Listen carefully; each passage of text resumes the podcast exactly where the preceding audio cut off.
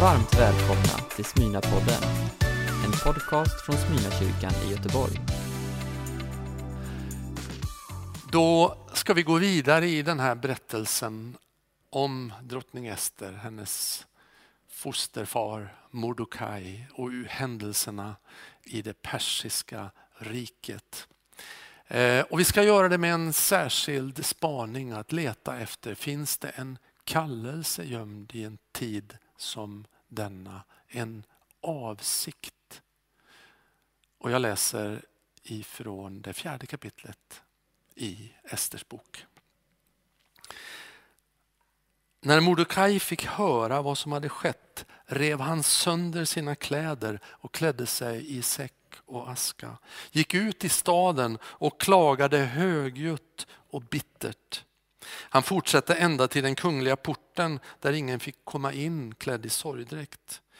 I varje provins dit kungens befallning och förordning nådde blev sorgen stor bland judarna. De fastade, de grät och de klagade. Många gjorde sig en bädd av säck och aska. När drottning Esters tjänsteflickor och hovmän kom och berättade det för henne blev hon förfärad och sände kläder till Mordokaj eh, som han skulle ha på sig istället för säcktyget. Men han vägrade att ta emot dem. Och jag läser lite längre ner i det fjärde kapitlet. Då sände Ester detta svar till Mordokaj. Samla genast alla judar som finns i Sosa och håll fasta för min skull. Ni ska inte äta eller dricka på tre dygn. Varken dag eller natt. Jag och mina tjänsteflickor ska fasta på samma sätt. Sen går jag till kungen trots att det är mot lagen. Är jag förlorad så är jag förlorad. Vad är det som händer? Allt såg ju så underbart ut. Mitt i det som ser ut som en vacker framgångssaga.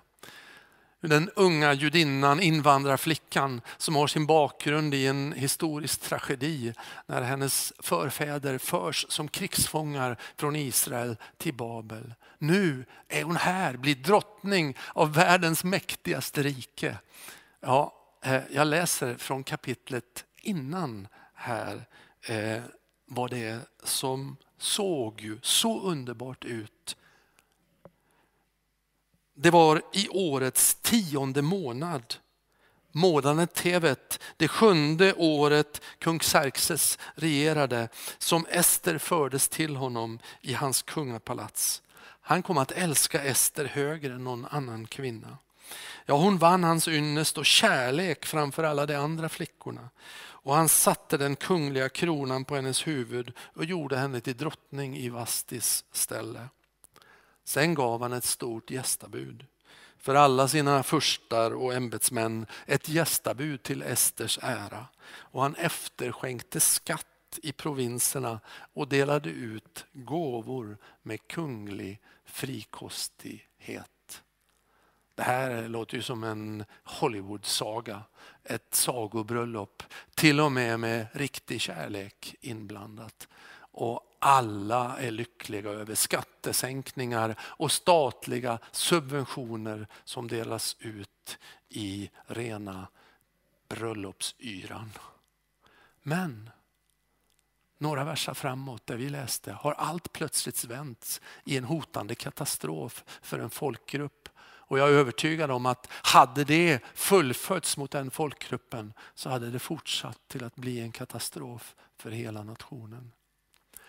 Vårt tema som är hämtat från den här tiden och den här historien är ju för en tid som denna. Vad var det för en slags tid? Då det var allvarstid. Jag tror att vi behöver förstå att det är allvarstider nu också. Pandemin är ju inte bara ett hot mot vår hälsa. Den börjar, nu börjar den skapa grogrund för en politisk oro i världen. Det börjar bli en grogrund för rykten, för falsk information, för konspirationsteorier och en allmän bristande tillit. när vi inte längre kan mötas till samtal, stöta och blöta, så blöta saker så ökar sakta sprickorna i samhället. Och i de sprickorna så växer misstron och kvävs tilliten. Det var en tid när tron på en Gud satt trångt. Esters bok är en bok som sticker ut. Den har varit omdiskuterad både bland judar och i den kristna kyrkan. I den hebreiska texten så nämns faktiskt aldrig Gud och inga andra ord kopplat till tro eller fromhet. Ganska märkligt. Det kan finnas eh, en orsak till det. Jag tror nämligen att Esters bok finns i Bibeln för att den ska finnas där. Kanske speglar den det faktum att den inte är så from i språket. Att Gud liksom är dold i texten, i berättelsen. En tid när det är just tufft att vara troende, öppet troende på Israels Gud. Även för många som fanns i samhället i offentlig ställning. Om vi jämför med berättelsen om Daniel, Sadrak, Mesak och Abednego som beskrivs i Daniels bok som ligger precis före så i tid så handlar ju det just om samma sak. Det är tufft att bekänna sin tro. De levde på något sätt också i en situation som bäst beskrivs av Jesus, Johannes 17. Att man är i världen men man är inte av den. Man har sin djupaste identitet i en annan värld, i tron på en levande Gud och på hans rike. Man väljer här lite olika strategi. Mordokaj, han var vuxen, kanske till åren kommen, en varmt troende person som liksom inte har så mycket att förlora. Han är den ena av huvudpersonerna i den här boken. Han håller en ovanligt hög profil vad gäller sin identitet och sin tro. Men observera att han faktiskt förmanar strängt sin fosterdotter eh, Ester, likaså varmt troende, att ligga lågt. Jag tror inte vi ska vara så snabba med att döma i en sån här situation av förföljelse. Vi har många totalitära system där troende måste vara kloka och ligga lite under radarn faktiskt. Och mycket tyder på att förföljelse mot troende av många olika trosriktningar, men inte minst mot kristna, ökar. Vi kan känna igen det i en, eh, i en eh, ganska hårt sekulär miljö att det kostar på eh, att stå upp för sin tro. Och det är klart, vi gör det när det är möjligt och vi gör det så klokt som möjligt. Men vi kan också ha respekt för att ibland är det tider att ligga lågt.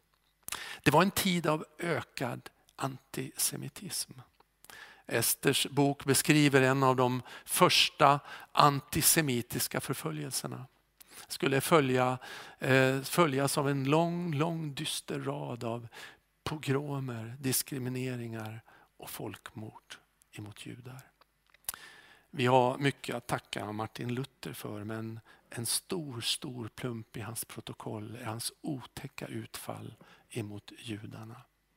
Må hända var det en underliggande orsak till att han var tveksam just till Esters bok. Den kanske rörde vid någonting obearbetat hos honom själv. Den är ju en av de första exemplen på hur antisemitism håller på att övergå i folkmord. Det mest tragiska i detta är att 400 år efter Luther skulle en viss Adolf Hitler utnyttja och rida på Luthers antisemitiska uttalanden. Och det gjorde att stora delar av den tyska protestantiska kyrkan ofattbart nog köpte Hitlers konspirationsteorier om judarna. Och så började det med judarna. Men snart var det inte bara judarna. Snart förföljdes romerna. Snart mördades homosexuella, de handikappade, de oliktänkande. Idag är det ett växande antal som tror att förintelsen aldrig ägt rum eller att den är kraftigt överdriven. Parallellt så ökar antisemitismen i världen. Det var en tid av misstro. I texten finns exempel på en verklig konspiration som blir avslöjad. Men också en falsk konspirationsteori som eh, snart skulle sprida sig ut i hela samhället från toppen neråt och hota en hel folkgrupp, ja faktiskt hota nationen. En viss Haman kommer till makten. Och han verkar ha blivit typ eh, premiärminister, fått all exekutiv makt samlad i sina händer. Och när eh, Mordecai eh, vägrar böja sig i vördnad för denne mäktige man utifrån sin tro att man tillber inte en människa. Eh, och har man då fått reda på att denne Mordecai som inte vill böja sig i vördnad och tillbedjan för honom, att han är jude, då växer ett besinningslöst hat. Han sår försåtligt en teori om att judarna är farliga för kungens maktposition. Jag måste här få stanna upp ett tag och säga någonting om hur konspirationsteorier i allmänhet sprider sig just nu med en rasande fart över världen. I botten på det som eh, nu håller på att slita USA i stycken så finns faktiskt ett hopkok av konspirationsteorier som frodas inte bara i USA utan ut över hela eh, världen, även i vårt land. Som alltid så är det en mix av sant och falskt. Det finns ju kanske, det kan ju faktiskt finnas verkliga konspirationer som behöver avslöjas. Men i dessa tider, förstärkta av att vi är isolerade från varandra, förstärkta av sociala medier, så sprids ett antal spekulativa, ofta helt osanna konspirationsteorier. En av de allra starkaste som då dyker upp i olika skepnader det är ju just den som jag har nämnt nu vid flera tillfällen. Den om den judiska sammansvärjningen för världsherravälde. Men den mixas med mycket, mycket annat. Den finns som ett element i det som kallas för QAnon, en rörelse som på tre år fått miljoner och åter miljoner anhängare. Och många av dem var drivande bakom attacken mot Kapitolium i Washington förra veckan.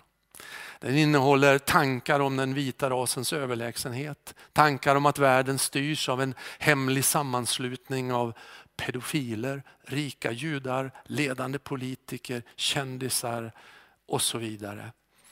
I den ryms också ett förnekande av förintelsen ofta. Ett förnekande av klimathotet, ett, en uppfattning att pandemin, pandemin är på något sätt en del av någon slags sammansvärjning och att vaccinet är en komplott för att försvaga mänskligheten och göra den lättare att styra.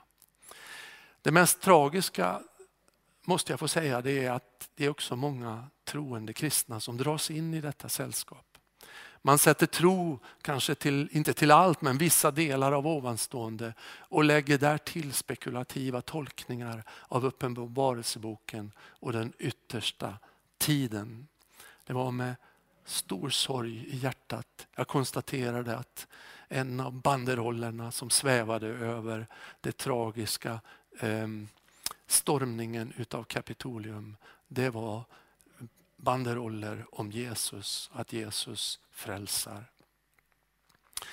Jag tror också att vi lever i det som Bibeln kallar för de yttersta dagarna. Nu ska det sägas att så kallas i Bibeln hela kyrkans tid från urkyrkan fram till Herrens återkomst.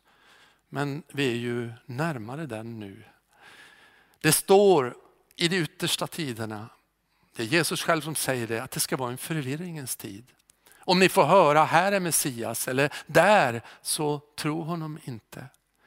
Han talar om falska frälsare och falska profeter som ska framträda. Och senare så talar ju eh, flera bibelböcker om en antikristsande som ska förleda och förvirra även det troende. Det slår mig att det som i längden kanske är skadligast med att stänga för gemensamma gudstjänster. Det är att den prövning av förkunnelse och bibeltolkning som ska ske när vi samlas tillsammans, den liksom försvinner eller minskar kraftigt. När var och en liksom lyssnar på det som passar en. När man kanske på nätet samlar åt sig eh, det som förstärker ens egen uppfattning så är ju risken den att det hela spårar ur.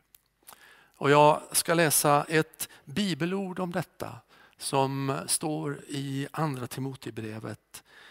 Där säger Paulus, det kommer en tid då människorna inte längre vill lyssna till den sunda läran utan skaffar sig den ene läraren efter den andra därför att det kliar i dem att få höra sådant som de önskar. Får jag ge dig ett gott råd? Eh, väl inte bara kanske gudstjänster från kyrkor långt borta eller ett annat sammanhang. Jag säger det även till dig som kanske tunar in här till oss i Smyrna. Men se till att du också har kontakt med din egen församling. Att du hör din pastor som du känner kanske både styrkor och svagheter hos. Men du är i ett sammanhang där du på något sätt också kan bli korrigerad och delta i ett samtal. Det gäller att vi inte böjer knä för vår tids hamaner. Observera, det gäller att vara vaksam. För nästa gång kan en sån här teori se annorlunda ut och komma från ett annat håll. Låt oss göra som Jesus sa, vara vaksamma och hjälpas åt att vi inte blir förledda. Vi är i världen men inte av världen. Som troende har vi vår högsta lojalitet till Jesus Kristus, till Gud vår Fader, till den Helige Ande. Vi röstar inte på en frälsare i politiska val. Vi röstar fram ledare som står ansvariga inför folket och inför Gud. Och så ska vi be för dem.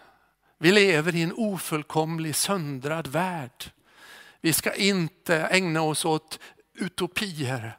Vi ska inte heller bidra till splittring och söndring Eh, utan vi ska stå på helandets sida med varma förböner för dem som bär ett ansvar. Men också en profetisk skärpa eh, emot det som är av ondo.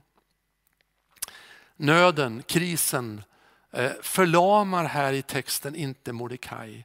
Den får inte honom att, att gömma sig, att tystna när han och hans folk är hotat.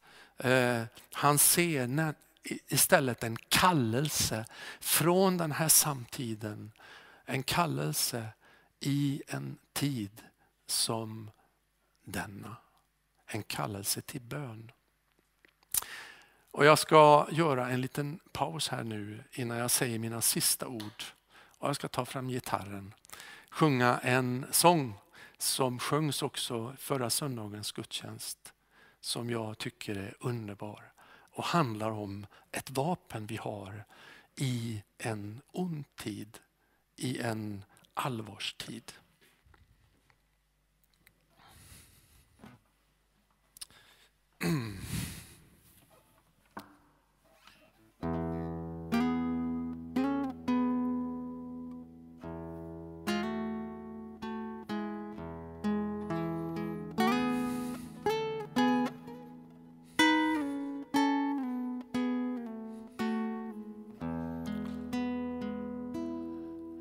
Det är makt i den bedjandes händer. I sig själva så svaga och små. Men när mot allmaktens Gud du den vänder har han lovat att hjälp ska du få. Ja, himlens svar är på väg, änglar kommer med bud. Om det dröjer, det når dig ändå. För det lovade löftenas trofasta Gud, den som ber ur sitt hjärta ska få. Du som ber för ditt barn, dina kära. Här i förbön från år och till år. Om du tålmodets läxa kan lära himlens bönesvar en gång du får. För himlens svar är på väg, änglar kommer med bud. Om det dröjer det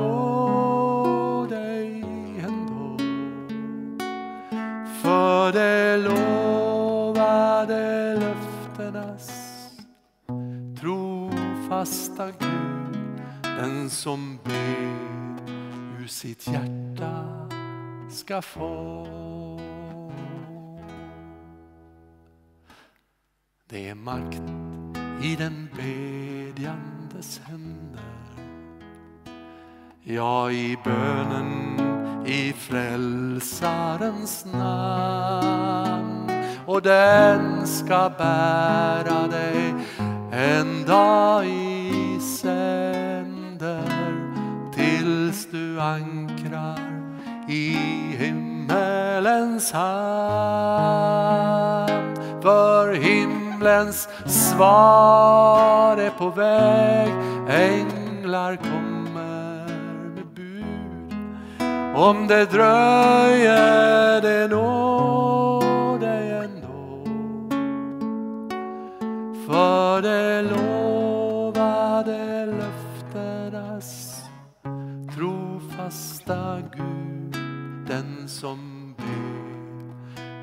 sitt hjärta ska få.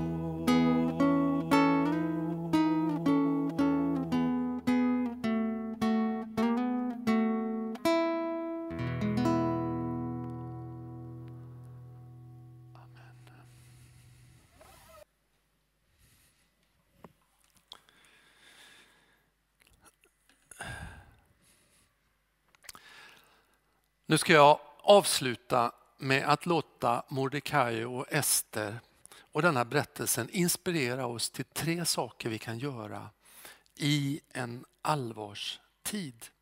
Ehm, och det första är att ta initiativ till fasta och bön. Det är ju uppenbart att det är det stora motdraget. Det är där det börjar liksom i den här situationen.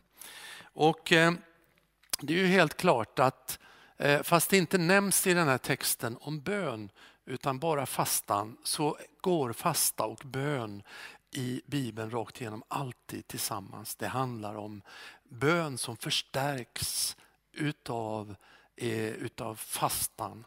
Och eh, eh, det handlar ju om en situation där det är en nöd som driver bön. Eh, och det är underbart när nöd leder till bön så att inte nöd leder till mer nöd. Så att inte bekymmer föder bekymmer utan bekymmer föder bön. Fastan förstärker att vi menar allvar. Och nu ska jag berätta något spännande. Det finns faktiskt en lite annorlunda version av Esters bok. Ett par hundra år efter eh, Esters tid så samlade Alexander den store, det är ju nästa stora världsrike, eh, det grekiska, en stor skara lärda judar i Alexandria som var hans mönsterstad och där fanns ett bibliotek och där saknades den hebreiska bibeln. Han bad då dessa 70 lärda judar att översätta bibeln till grekiska. Den kom att kallas för Septuagintan och är en världsberömd översättning utav det gamla testamentet. Och det blev en, i stort trogen den hebreiska texten. Eh, men det fanns säkert lite flera te olika textarter av någon anledning så blev Esters bok lite annorlunda i den grekiska texten. Här så hymlas det inte alls med tron. Där fastas det och beds. Eh, där kommer Mordecais fantastiska bön med i texten. Det finns också en sådan bön ut utav Ester, men jag läser nu Mordecais bön. Så här ber han. Herre, Herre och konung, du härskar över alla. Ty hela världshaltet lyder under dig och ingen kan sätta sig emot om du vill rädda Israel. Du har skapat himmel och jord och allt det underbara vi ser under himlen. Du är allas Herre och ingen kan göra motstånd mot dig, mot Herren. Du känner till allt och du vet Herre att det inte var av förhävelse eller övermod eller högfärd som jag handlade som jag gjorde när jag vägrade att hylla den övermodige Haman. Jag skulle gärna ha kysst hans fotsulor för att rädda Israel. Nej, jag handlade så för att inte ge en människa större ära än Gud. Jag kommer inte att tillbe någon annan än dig, säger han, min Herre. Och det är inte av övermod som jag handlar så. Nu ber jag dig, Herre Gud, du konung, du Abrahams Gud, skona ditt folk. ty fienderna siktar på vår förintelse. Deras önskan är ett utplånade folk som är din arvslott sedan begynnelsen. Glöm inte bort din egendom. Ehm, du, som du friköpte åt dig själv från Egypten. Eh, hör min bön, visa dig försonlig mot din arvslott och vänd vår sorg i glädje och fest så vi får leva och lovsjunga ditt namn. Herre, tysta inte de munnar som ropar efter dig.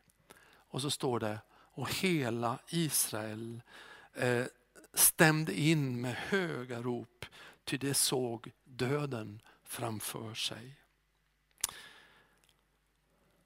Den här av nöddrivna bön så ligger en kallelse också i en tid som denna. Det ser inte exakt så ut, kanske inte har samma typ av dramatik för oss alla.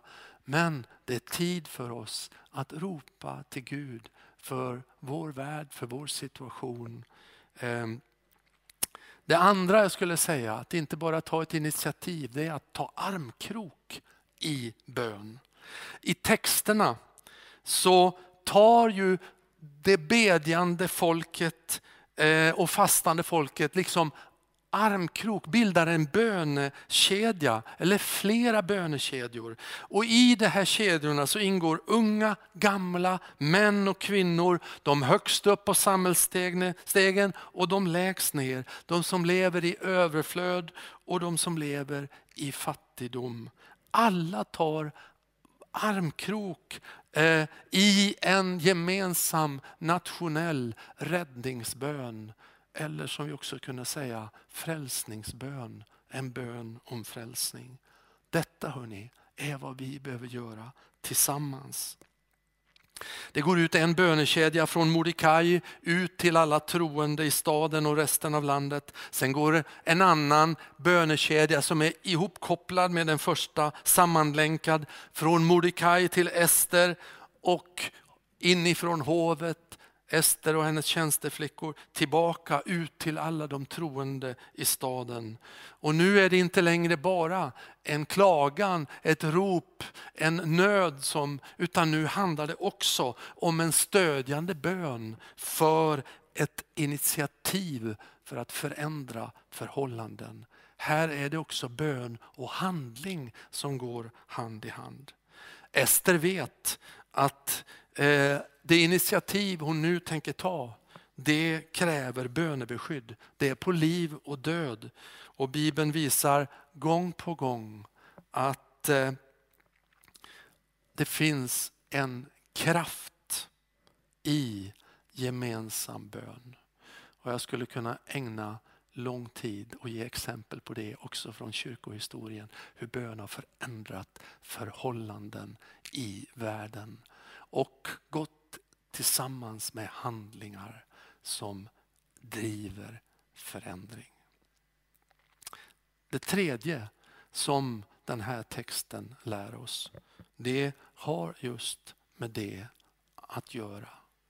Nämligen att det behövs ta initiativ till bön som tar ställning. Att ta ställning i bön.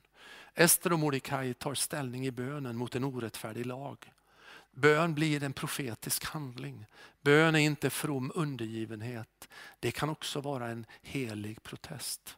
när tiotusentals rumäner böjde knä på torget i Timisoara och bad Fader vår, då skakade Ceausescus diktatur i grundvalarna.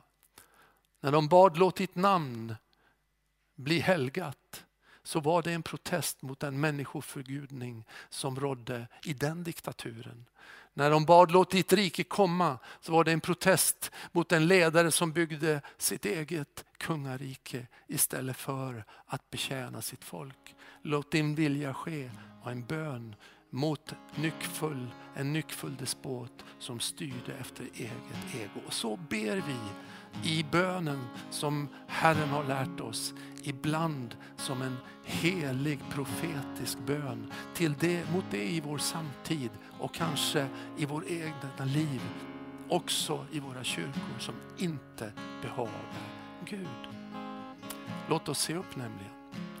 För att alla sådana här böner, böner som beds kanske i en allvarstid, bör först få gå i vårt eget hjärta, förändra oss själva, leda till omvändelse hos oss som ber. I en tid som denna så är det en kallelse till bön efter Guds vilja för allt Guds folk.